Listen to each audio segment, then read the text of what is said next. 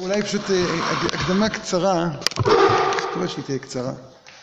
אה, יש אה, שאלה ששאל מנחת חינוך, שואלים הרבה אחרונים, והיא קצת מהדהדת בליל הסדר.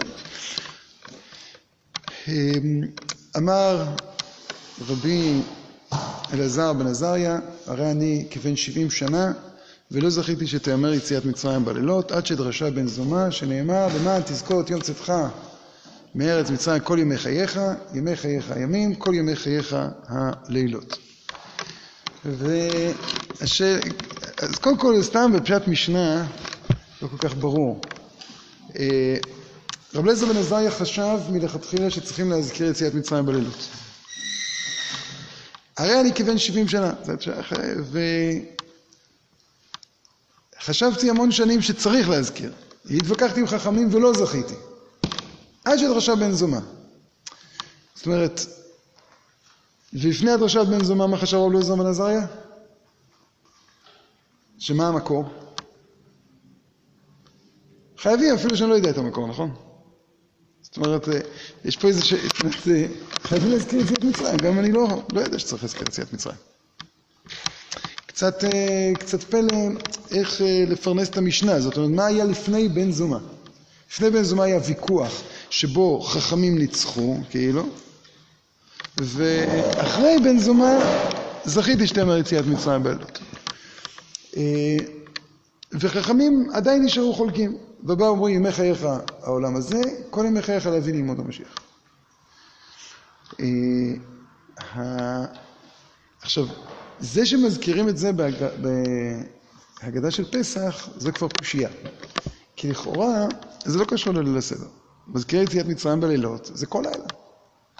עכשיו, שואל המנחת חינוך, אם זה כך, אז יש לנו קושייה.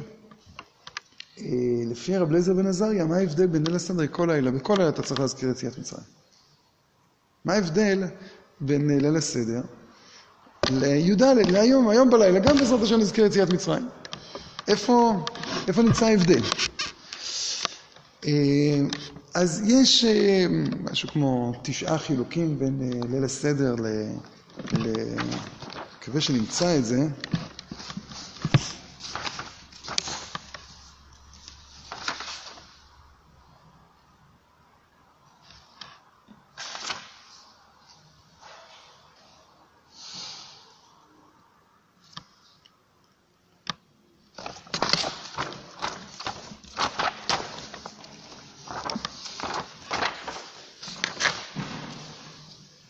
כן.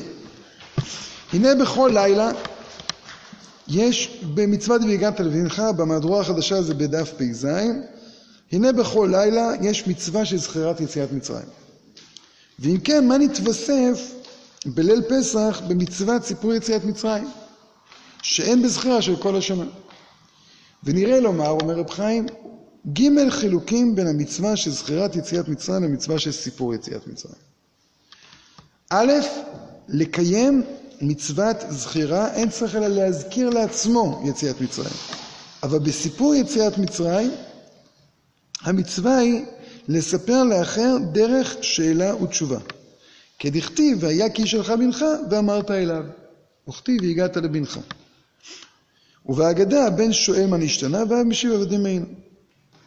וההלכה היא שאפילו אם אחד לבדו צריך לשאול, צריך לשאול לעצמו ולומר עבדים מעינו כדרך סיפור לאחר. אומר אה, אה, רב חיים, חילוק ראשון, שבחילוק הזה יש לנו כבר אה, שני חילוקים, אפילו שלושה. החילוק הראשון, כשאתה מזכיר, אתה לא צריך לספר, אתה פשוט נזכר. כשאני אומר, אני השם אלוקיכם אשר הוצאתי אתכם מארץ מצרים, אה, מספיק. כלומר, תפקיד האמירה היא רק להזכיר, כמו זכור את אשר עשה לך עמלק. איך זוכרים?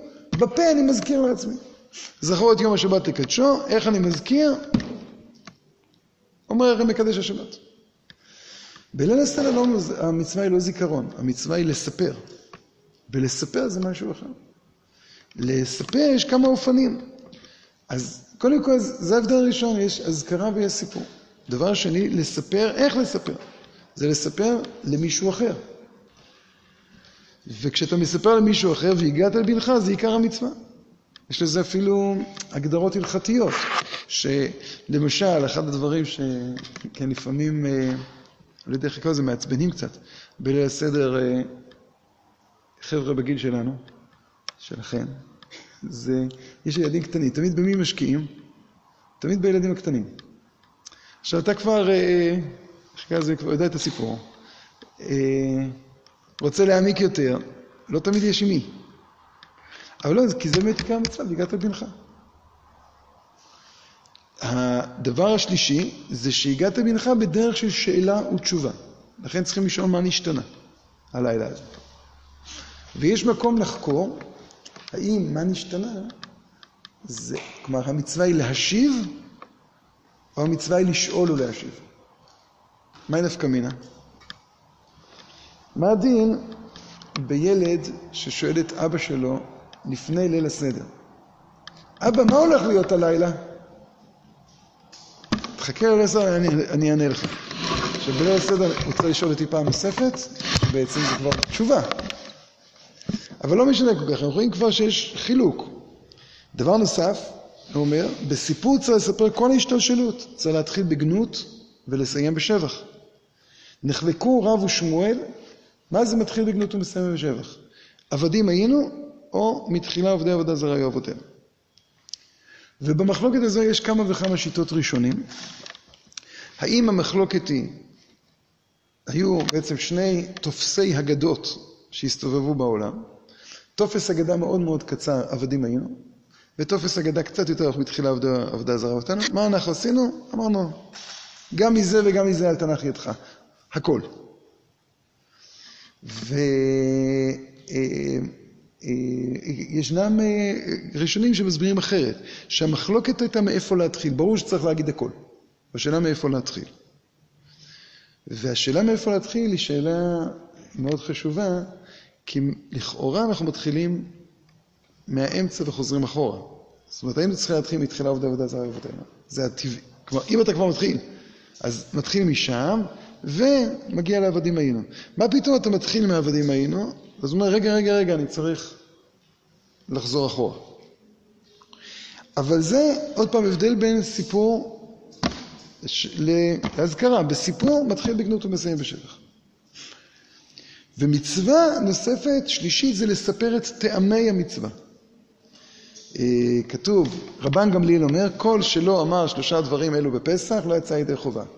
פסח, מצה ומרור. עכשיו פה המדפיסים אה, של האגדות מטעים את כולם, לא את כולם, הרבה מאיתנו, כי כותבים פסח מצה ומרור באותיות גדולות. אז מה הרבה פעמים חושבים? כל שלא אמר שלושה דברים אלו בפסח, לא יצא ידי חובתו, אז אומרים לילד, נו, נו, עכשיו, אתה, כדי לצאת ידי חובה אתה חייב להגיד פסח. מצה, מרור. נכון? אבל לא, זה לא הכוונה שלו, אלא אתה צריך להסביר את כל שלא אמר, כל שלא הסביר את הטעמים. עכשיו, מה לא יצא ידי חובה? לא יצא ידי חובת מה? כתוב לא יצא ידי חובתו של מה?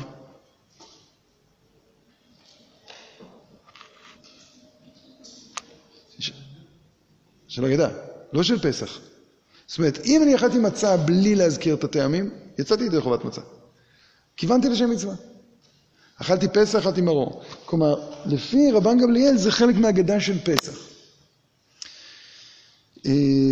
והשאלה היא באמת אה, פה, זה, עד כמה זה, זה דאורייתא, החלק השלישי, שאלה טובה. אה, אומר הרמב"ם, מצוות עשה של תורה לספר בניסים ונפלאות שנעשו לאבותינו במצרים. מצוות עשה של תורה. ש... אה, שנאמר זכור ומנש ולתיביו תלמוד לומר והגעת לבנך. מצווה להודיע לבנים אפילו לא שאלו, שנאמר והגעת לבנך. אז אנחנו רואים עוד פעם צורה של סיפור. כיצד אם הוא קטן או טיפש, אומר לו מה זאת, כן, גדול, חכם, וצריך לעשות שינוי בזה כדי שיראו הבנים וישאלו. אה, עוד כתב צריך להתחיל בגנות ולסיים בשבח, וכל מי שלא אמר שלושה דברים בליל חמישה עשרה יצא ידי חובתו. ודברים האלה כולם נקראים הגדה. מה זה הגדה? הגעת לבנך. אז כל זה אתה מקיים את המצווה. אם זה לעיכוב או לא לעיכוב, אז זו שאלה אחרת. אבל אנחנו רואים מפה שיש לנו הגדרה, הגדרה ברמב"ם מה זה הגדה של פסח. ואם אנחנו פותחים את הגדה של פסח, אנחנו רואים שהגדה של פסח היא באמת אה, בנויה, אפשר אולי להגיד ככה, מחמישה חלקים, שקודם כל יש שם שלושה מעגלים, ושלושת המעגלים האלה צריכים לענות לצורה של הסיפור.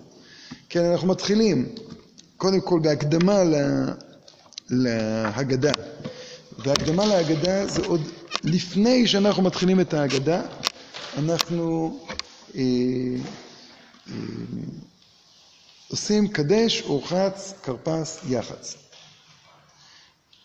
כל אלה זה עוד המצווה של השינוי, לעשות שינוי אה, בליל הסדר. אה, גם כרפס וגם יח"צ זה שינוי. אה, כדי לעודד את הילדים לשאול. אה,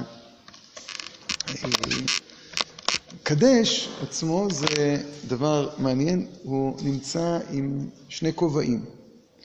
מצד אחד זה קידוש, כמו כל יום טוב. מצד שני, הוא לא רק קידוש של כל יום טוב, הוא חלק מארבע כוסות. למשל, מדין קידוש של יום טוב, אפשר לעשות קידוש לפני צאת הכוכבים. אה, כמו בשבת, אפשר לעשות לפני.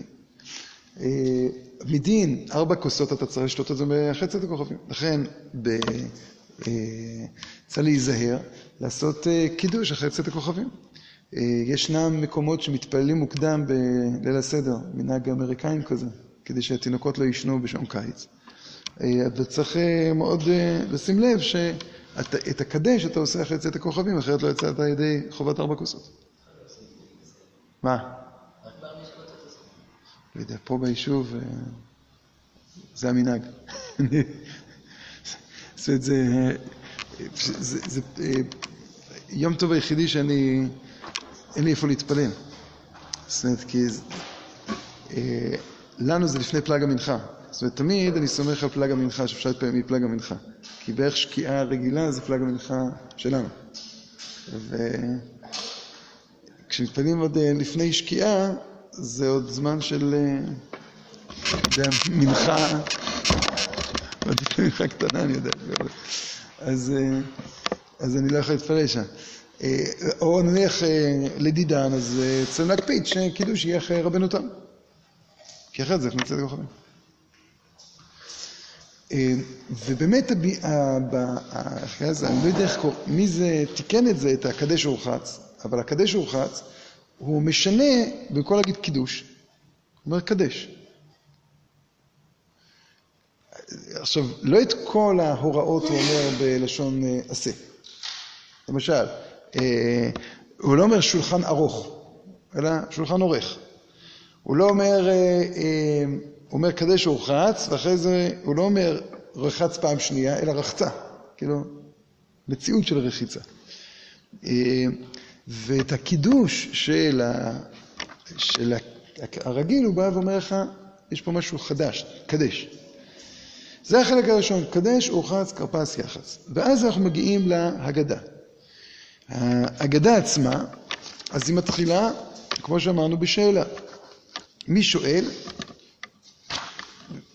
או סליחה, יש עוד, עוד הקדמה, זה הלחמניה, זה עוד הקדמה נוספת, שהיא נאמרת, והיא פלא, בלי שאף אחד שאל אותך. אתה מסביר לילד הלחמניה. אה, והיא נאמרת בלשון הרמה. עכשיו, ועכשיו מתחילה ההגדה. אז חלק א', עבדים היינו. אז יש לנו שאלה, מה נשתנה הלילה הזה מכל הלילות, שבכל זאת אנו אוכלים חמץ ומצה, הלילה הזה כולו מצה, וכולי וכולי וכולי וכולי וכולי. מה התשובה לארבעת השאלות האלה? עבדים היינו לפרעה במצרים. מה התוצאה של, אה, של זה? עבדים היינו בפרעה מצרים, קודם היינו עבדים, עכשיו אה, בני חורין, מה ההשלכה של זה? אפילו כולנו חכמים, כולנו נבונים, כולנו זקנים, כולנו יודעים את התורה, מצווה עלינו לספר ביציאת מצרים. וכל המרבה לספר ביציאת מצרים, הרי זה משובח. מצוות עשה דאורייתא, לספר, להרבות בסיפור. אה, הזכרנו את זה כבר כמה פעמים. שהגדר של ריבוי סיפור יציאת מצרים הוא לא ברור, אה, עד מתי? בפשטות, עד שיגיע זמן קריאת שמע. זאת אומרת, עד תפילת שחרית בבוקר. כלומר, אה, נניח יש לך מניין בשמונה בבוקר, עד אז אתה מקיים את המצווה. אה, וזו מצווה שראוי מאוד להיזהר בה. זאת אומרת, אה, אם אדם בא ואומר, יש לילה בשנה שאני יכול להיות ער כל הלילה, שבועות או פסח, אז מתי עדיף? פסח. זה מצוות עשה דאורייתא. כל מילה ומילה שאתה מוציא בפסח זה מצוות עשה דאורייתא. גם בליל שבועות זה מצוות עשה דאורייתא של תלמוד תורה, אבל זה, אין דווקא חיוב ללמוד בלילה. כן, אבל, אבל פה זה, אה, אתה מקיים מצוות עשה דאורייתא. הרבה פעמים אה, אנשים כזה גומרים באחד, שתיים בלילה את ליל הסדר. לא, צריך להישאר לפחות עד שתחטפנו שם. זאת אומרת, הוא צריך לספר. אז היו פעמים שחבר'ה, אני לא יודע מה יהיה השנה, אבל היה פעמים שחבר'ה היו מתארגנים אה, בערים, להיפגש, נניח אה, אצלנו גומרים בשתיים בלילה, צריכה באחת וחצי, בשתיים ורבע ניפגש בתנ"ש, נשב ונעסוק בהגדה של פסח, עד, עד הבוקר. כן, מצוות הסדר ראית.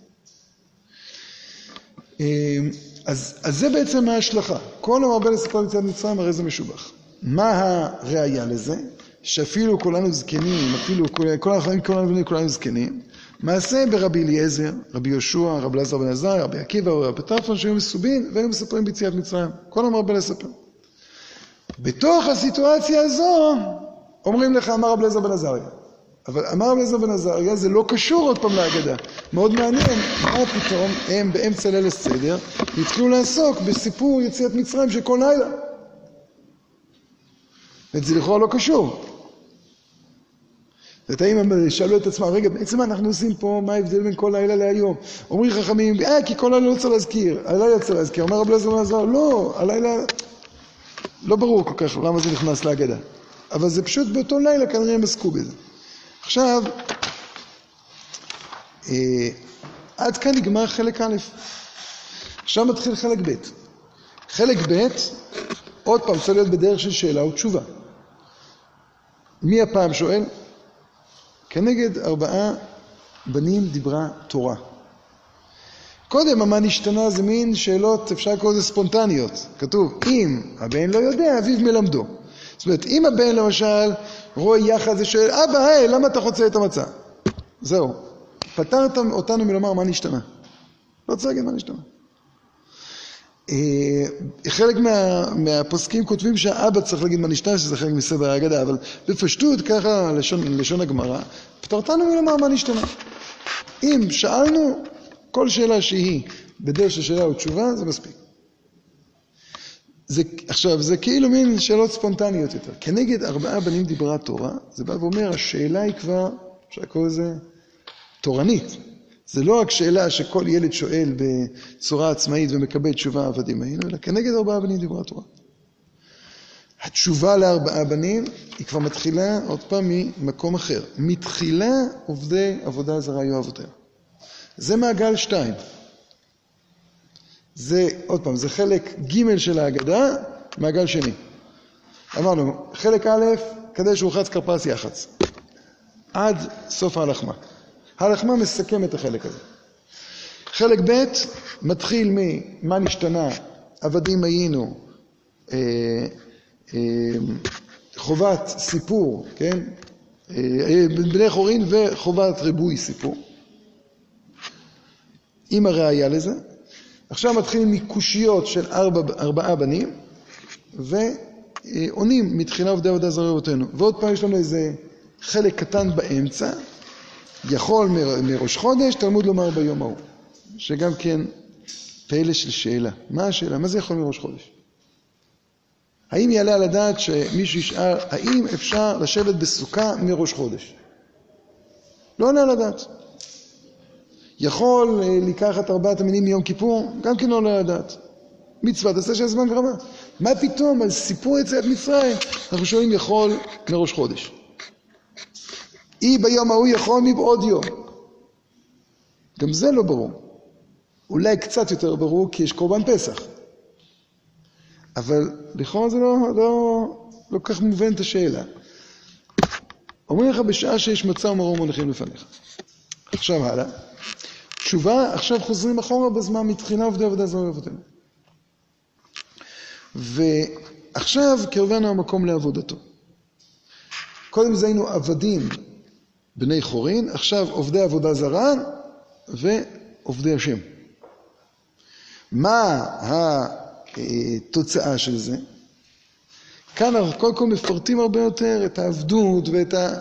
כן, ב, ב, והכל צריך להיות כנראה לאור מה? לאור איך זה קשור למתחילה עבדי עבודה זרה אבותינו. כלומר, כל המהלך של שעבוד מצרים הוא לא להוציא אותנו מעבדות לחירות, אלא להוציא מאיתנו את העבודה זרה ולהפוך אותנו להיות עובדי השם.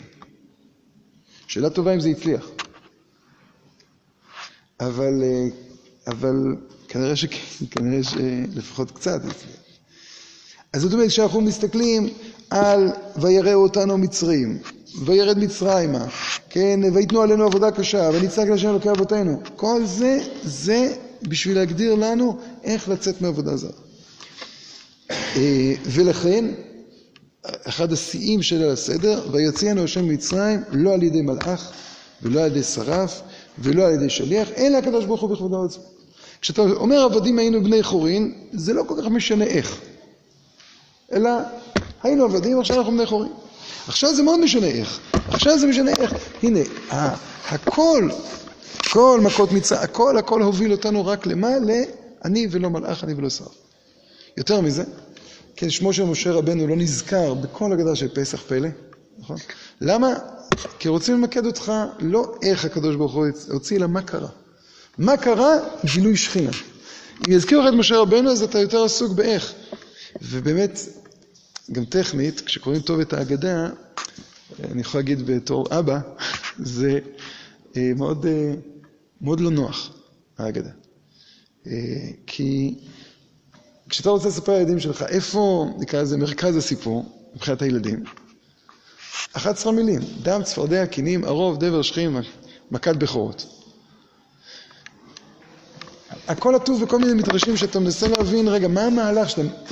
ואומרים לך, תשמע, אתה בכלל לא בא לספר להם את הסיפור של מה קרה. לספר להם מה קרה, תספר להם פרשת שבוע. אתה בא לספר להם משהו אחר.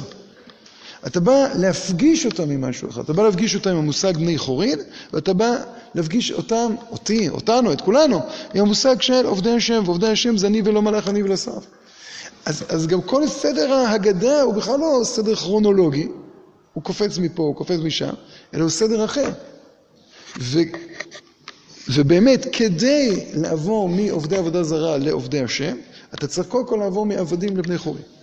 בני חורין זה המצב של המדרגה הבאה של עובדי השם.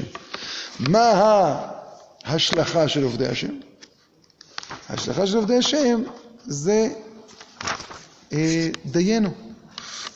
כלומר, אתה בא ומשבח לקדוש ברוך הוא. כמה מעלות טובות למקום עלינו. זאת אומרת, לא, קודם זה היה סיפור, אתה ממשיך לספר ולספר ולספר.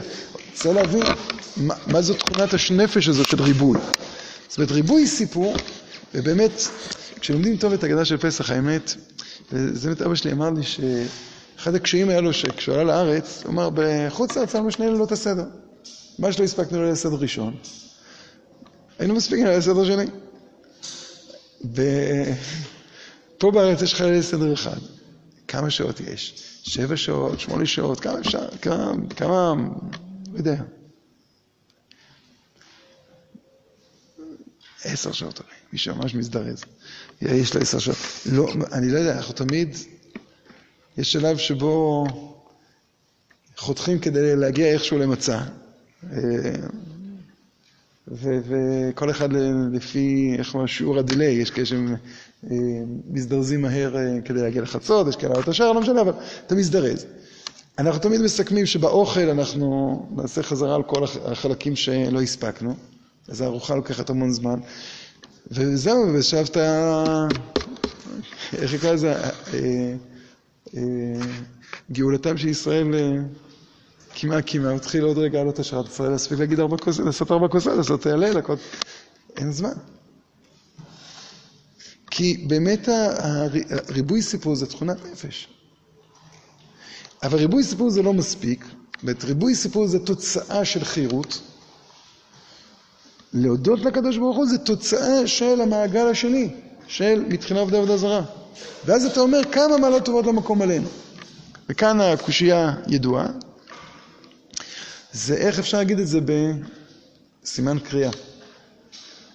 אילו יוצא למצרים ולא עשה בהם שבטים דיינו, נו בסדר. אבל אילו עשה בהם שבטים, אה, סליחה, אילו אה, שיקע צורכנו, צרינו בתוכו ולא סיפק צורכנו במדבר ארבעים שנה דיינו, מה היינו עושים? היינו מתים. סיפק צורכנו ארבעים שנה ולא נתן לנו את התורה, מה, מה היינו עושים? בשביל מה יצאנו ממצרים? מה זה דיינו? ואת, איך בכלל אתה מסוגל להגיד את המילה דיינו?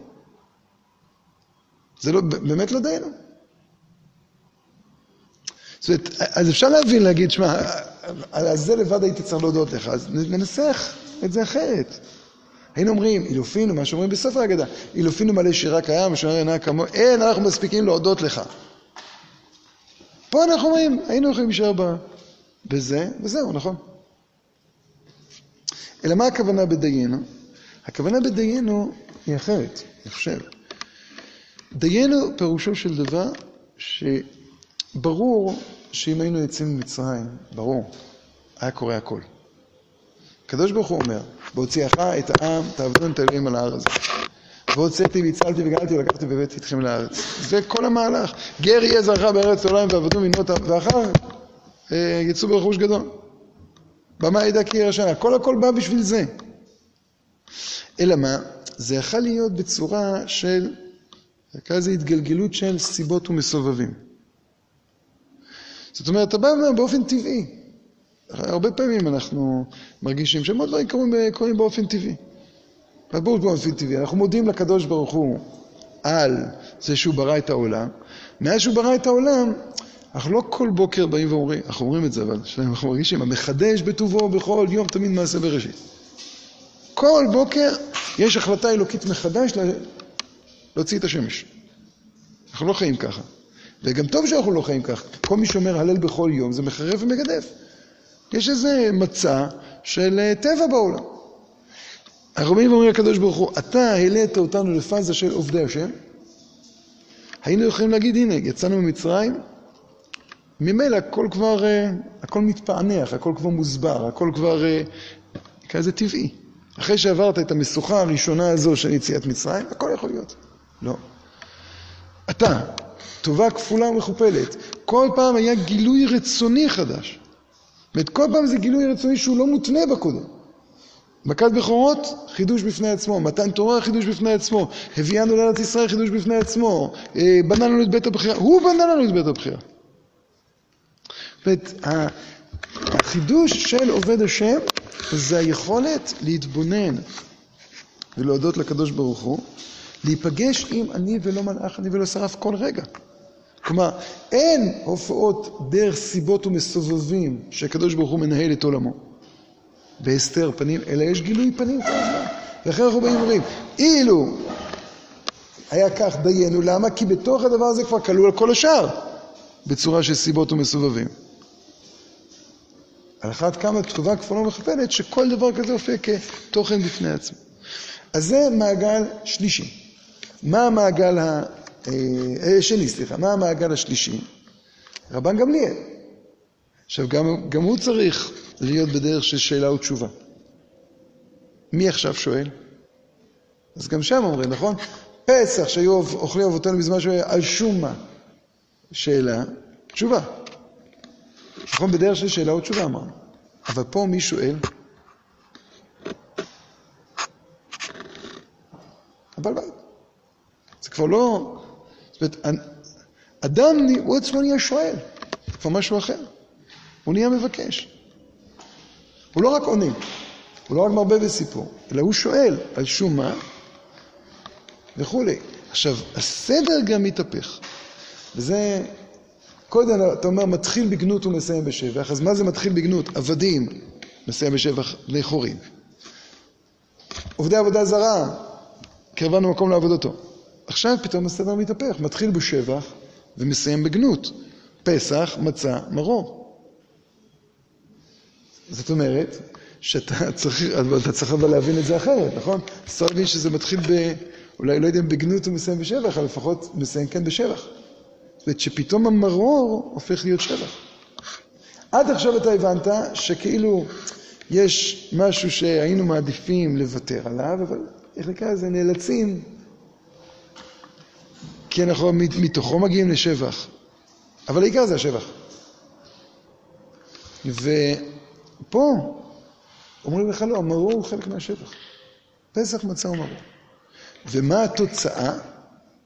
מה התוצאה? לפיכך, כך כתוב, לפיכך אנחנו חייבים להודות, להלל, לשבח, לפאר, אומרים הלל. עכשיו ההלל זה בעצם סגירת המעגל השלישי. אז אמרנו, בעצם סיפור יציאת מצרים הזה שהוא בנוי בצורה של סיפור, של שאלה ותשובה, בצורה של והגעת לבנך, בצורה שמתחיל בגנות מסיים בשבח, אז הוא מופיע בשלושה מעגלים. מעגל א', עבדים היינו, בני חורין, ריבוי סיפור. מעגל ב', מתחילה עובדי עבודה זרה אבותינו, אה, עובדי השם, דיינו. מעגל ג', פסח מצה ומרור, הלל. וכל אחד יש לו את השאלה, את החן של שאלה ותשובה שלו, וכל אחד יש לו את החן של אה, גנות ושבח שלו, והלל. עכשיו, ההלל עצמו הוא הלל, אחרי זה, משונה ביותר. כי, מה? זה חלק מהרגע השלישי. רק, אני, רק אנחנו נראה אותו גם כחטיבה בפני עצמו, בעזרת השם, כיוון שהוא גם מקיף את כל מצוות היום. אתה פתאום באמצע הלל עושה איזה הפסקה.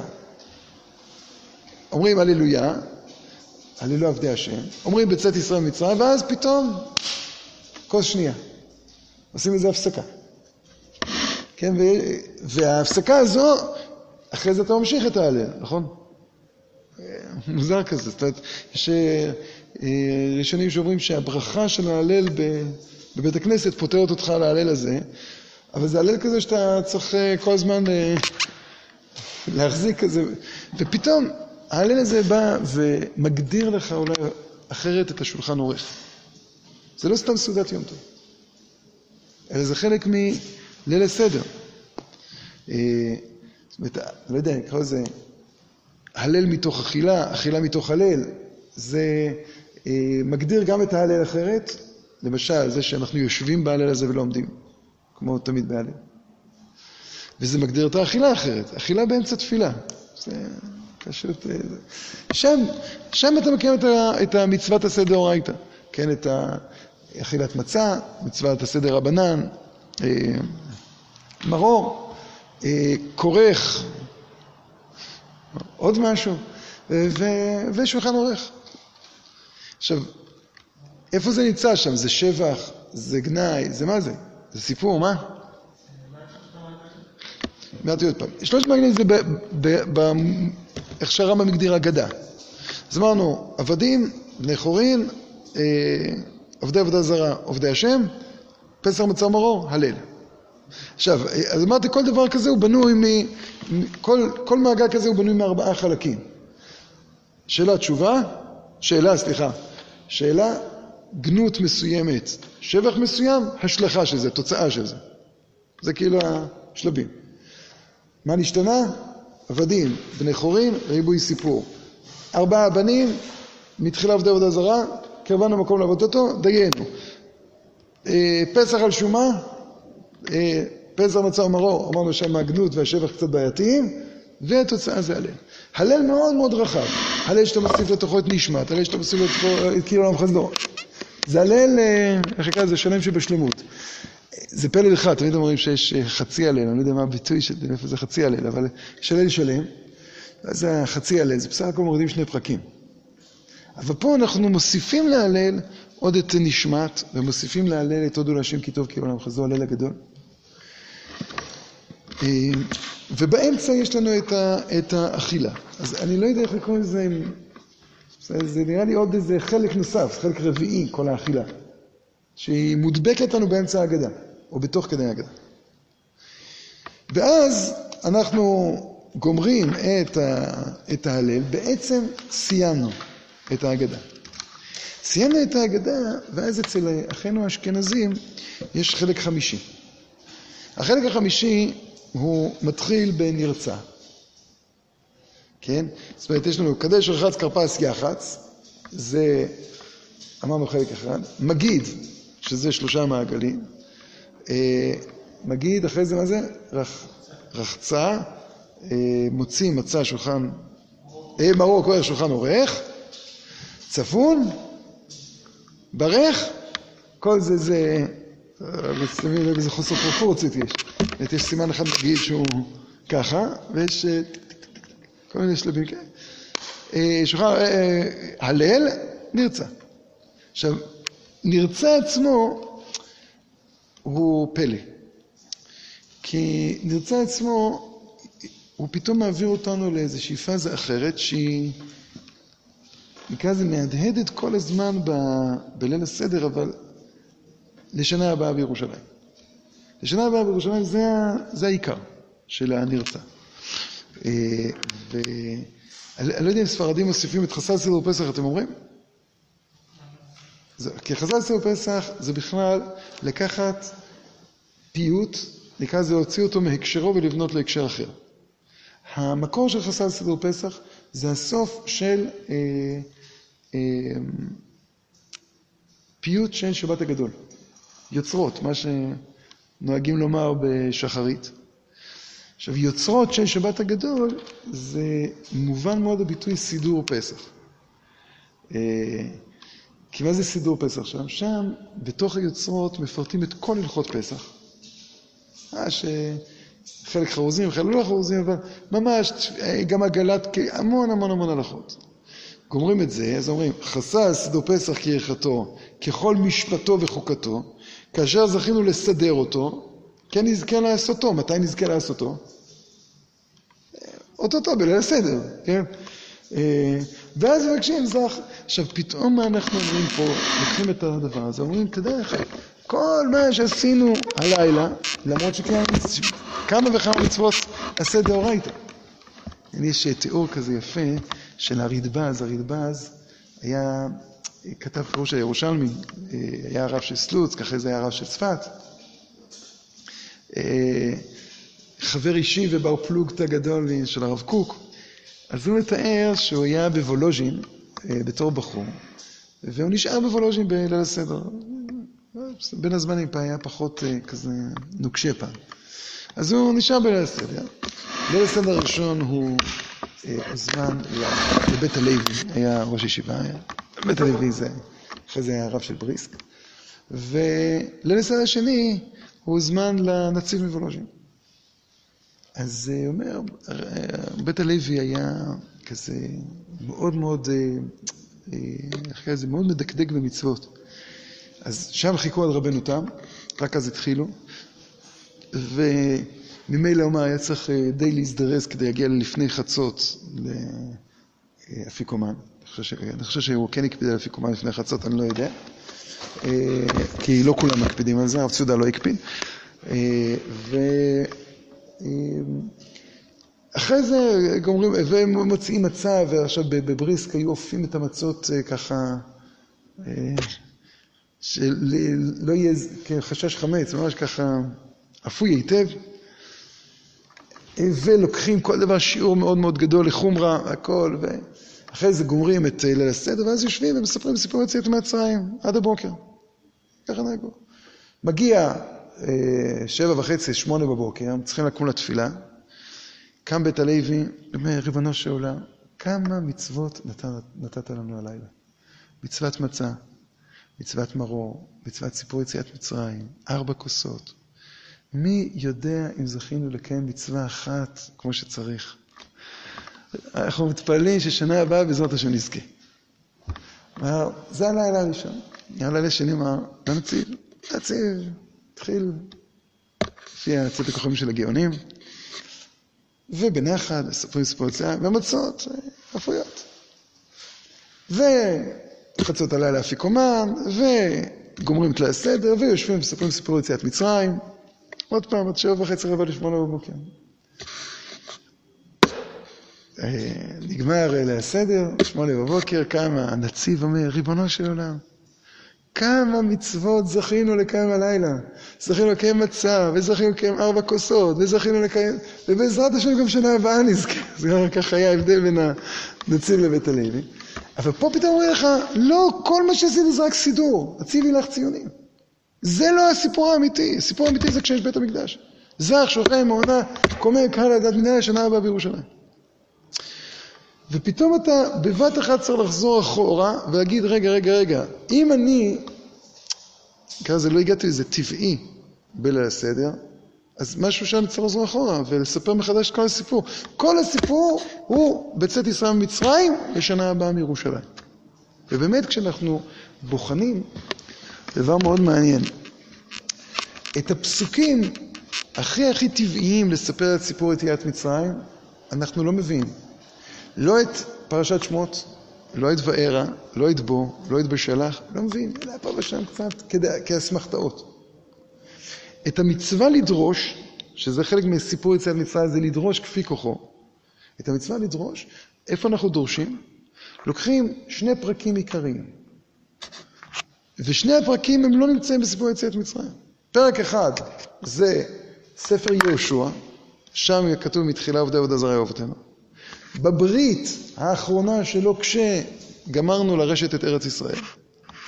והפסוקים הנוספים שאנחנו מביאים זה ארמי עובד אבי וירד מצרים, שמתי זה נאמר? פרשת ביקורים, והיה כי תבוא אל הארץ. ואת חז"ל כשתיקנו את סדר ההגדה, הם באו ואמרו, אנחנו בונים הגדה, אפשר לקרוא לזה הגדה של ארץ ישראל, הגדה של שלמות, הגדה של בית המקדש. ורק מתוך המבט של המקדש אנחנו יכולים להסתכל אחורה. ובאמת, אה, בליל הסדר עצמו, פסח מצרים, אה, אז עומד ילד, שואל את אבא שלו, מה נשתנה הלילה הזה מכל הלילות? למה אנחנו חגורים, מותניכם, ולמה שמנו דם על המשקוף? אבא שלו אומר, א', אני לא יודע, ב', אין לי שום מצווה לספר לך את זה. לא יודע. נשב בשקט, נחכה, נראה. בהתרחשות אנחנו לא יודעים לספר. שנה אחרי זה, חידוש של התורה שחגגו פסח פעם אחת במדבר, בשנה השנייה. אחרי זה לא חגגו במדבר. מתי חוגגים פסח? רק ב, בארץ ישראל. אז כשאתה אין בית המקדש, אומרים, לא, זה, קיימת מצוות, אבל זה באמת רק סידור. ריבונו של עולם, הלוואי ונזכה לקיים שנה הבאה. הלוואי ונזכה לקיים השנה. אז לקחו את הפיוט הזה, וממנו ממשיכים לשנה הבאה בירושלים, ואומרים לך בנרצה, תדע לך, אתה צריך עכשיו לחשב טוב, האם ככה בנית את ליל הסדר. ואז, אצל אחינו האשכנזים עוד פעם מוסיפים את החלק החמישי הזה, של כל מיני פיוטים, שלא תמיד ברור מה הקשר שלהם בליל הסדר. הפעם חשבתי ששמים את זה בסוף, זה שאם ילדים נרדמים, אז אומרים להם, היי, בוא נשאר אחד גדיה, זה למדת בגן, אה, אחד גדיה, התעוררת אפשר מסוים, אה, אחד מי יודע, אבל, אה, אז זה לא, זה, בסוף. ואתה שואל את עצמך, מה הקשר? מה הקשר לאחד מי יודע, מה הקשר לאחד גדיה, מה הקשר לאומץ גבורותיך, אמרתם זבח פסח? והסוף הסוף זה גם הספרדים אומרים שיר השירים. זה החלק השישי, מי שיש לו עוד כוח, אומר שיר השירים. אז אה, איך כל זה אה, הופך להיות מקשה אחת? כן? זאת אומרת, יש פה איזה מין מהלך שלם בליל הסדר, שהוא בא להפגיש אותנו עם משהו, וליצור אצלנו צמאון אדיר לבניין בית המקדש. ולהבין שבאמת, קרבנו המקום לעבודתו, בנה לנו את בית הבחירה, הפנים בפנים זה בית המקדש. ובלי בית המקדש, לא, לא הכל חסר. בעצם, גם כשהכול חסר, אנחנו עדיין מוקרנים מבית המקדש. כל מה שיש לנו בליל הסדר זה איזה שאריות, לא יודע, שאריות, אבל לא שאריות במובן של שברים, אלא התנוצצות של האור, החירות שהתגלה בבית המקדש. הזכרנו בפרשת שבוע, כן, ואת יונתן בן עוזיאל, יונתן בן עוזיאל פלא פלאים, ואשא אתכם על כנפי נשרים ואביא אתכם אליי. שומע יונתן בן עוזיאל, כשהגיע ליל הסדר, הייתי, הייתם צריכים להקריב קורבן פסח. אי אפשר להקריב קורבן פסח לא בארץ ישראל. לקחתי אתכם על כנפי נשרים, שחטתם וזרקתם את הדם בארץ ישראל בירושלים, החזרתי אתכם בחזרה כדי לצאת ממצרים. זאת אומרת, זה עצם קורבן פסח כל כולו שייך לארץ ישראל. ואביא אתכם אליי. מה זה ואביא אתכם אליי? אביא אתכם אליי זה בארץ ישראל, זה בית המקדש. ולכן כל ליל הסדר בונה בנו את הצמאון, את השייכות, את הכמיהה, את ההבנה שכל החיים שלנו, נקרא לזה ערכים, הערך שלהם, זה על פי קנה המידה הזה. אז נרצה. כלומר, כשאתה רוצה לקבל ברצון, כן, להתקבל ברצון לפני ריבונו של עולם, זה באמת אם בנית את כל מדרג, מדרגת החיים שלך, להיות ראוי, לא רק לחירות של בצאת ישראל ממצרים, אלא לשנה הבאה בירושלים. ואז אנחנו חוזרים, ימי חייך הימים, כל ימי חייך להביא לימות המשיח. עכשיו זה יותר מובן למה זה נכנס שם. זאת אומרת, באים ואומרים לך, תדע לך, כבר בעבדים היינו, אתה צריך להעריך את זה על פי קנה המידה של, של אז. כל לילה ולילה שאתה מזכיר את סיפור יציאת מצרים, זה איזושהי, אה, כן, בא ואומר לך, יש מעמד נפש שעליו אתה בונה את כל, את כל השנה כולה. כל השנה כולה אתה מזכיר בוקר וערב, והזיכרון הזה זה איזה מין המשך של סיפור יציאת מצרים. לכן זה, אומרים הפוסקים, שזה לא נמנע כמצווה בפני עצמו הזכרת יציאת מצרים. למה? כי זה המשך של סיפור יציאת מצרים. ליל לא אתה מספר, ואז כל השנה אתה אומר, זוכר? כן, זוכר? כן, זוכר, כן. ואז עוד פעם ליל סדר אתה עוד פעם מספר ונזכר. ואת כל השנה כולה אנחנו מעריכים על פי המדרגה הזו. שבעזרת השם נזכה. אז...